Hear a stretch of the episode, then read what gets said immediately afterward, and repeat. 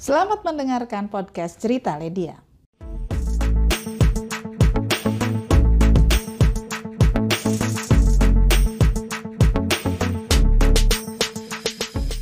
Assalamualaikum warahmatullahi wabarakatuh. PPKM telah ditetapkan oleh pemerintah sejak tanggal 3 Juli sampai tanggal 20 Juli karena lonjakan penderita COVID yang semakin besar. Dan tentu kita harus mengingat juga bahwa pertengahan Juli adalah tahun ajaran baru bagi siswa-siswi yang sedang bersekolah.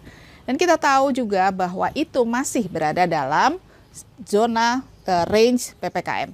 Karenanya pemerintah harus segera mengumumkan bahwa di Jawa dan Bali pembelajaran tatap muka terbatas tidak dilakukan, melainkan harus dengan menggunakan PJJ, pembelajaran jarak jauh atau belajar dari rumah agar apa? Agar orang tua, sekolah, guru, dan juga pengelola sekolah secara fokus menyiapkan modul-modul untuk pembelajaran jarak jauh yang kita juga belum tahu akan diperpanjang sampai kapan. Jangan korbankan anak-anak kita karena positivity rate-nya masih di atas 30 persen. Karenanya prioritaskan keselamatan anak-anak dan juga tenaga pengajar kita dengan segera mengumumkan pembelajaran jarak jauh agar semua modulnya sudah dipersiapkan sejak awal.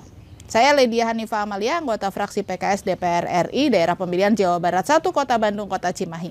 Assalamualaikum warahmatullahi wabarakatuh.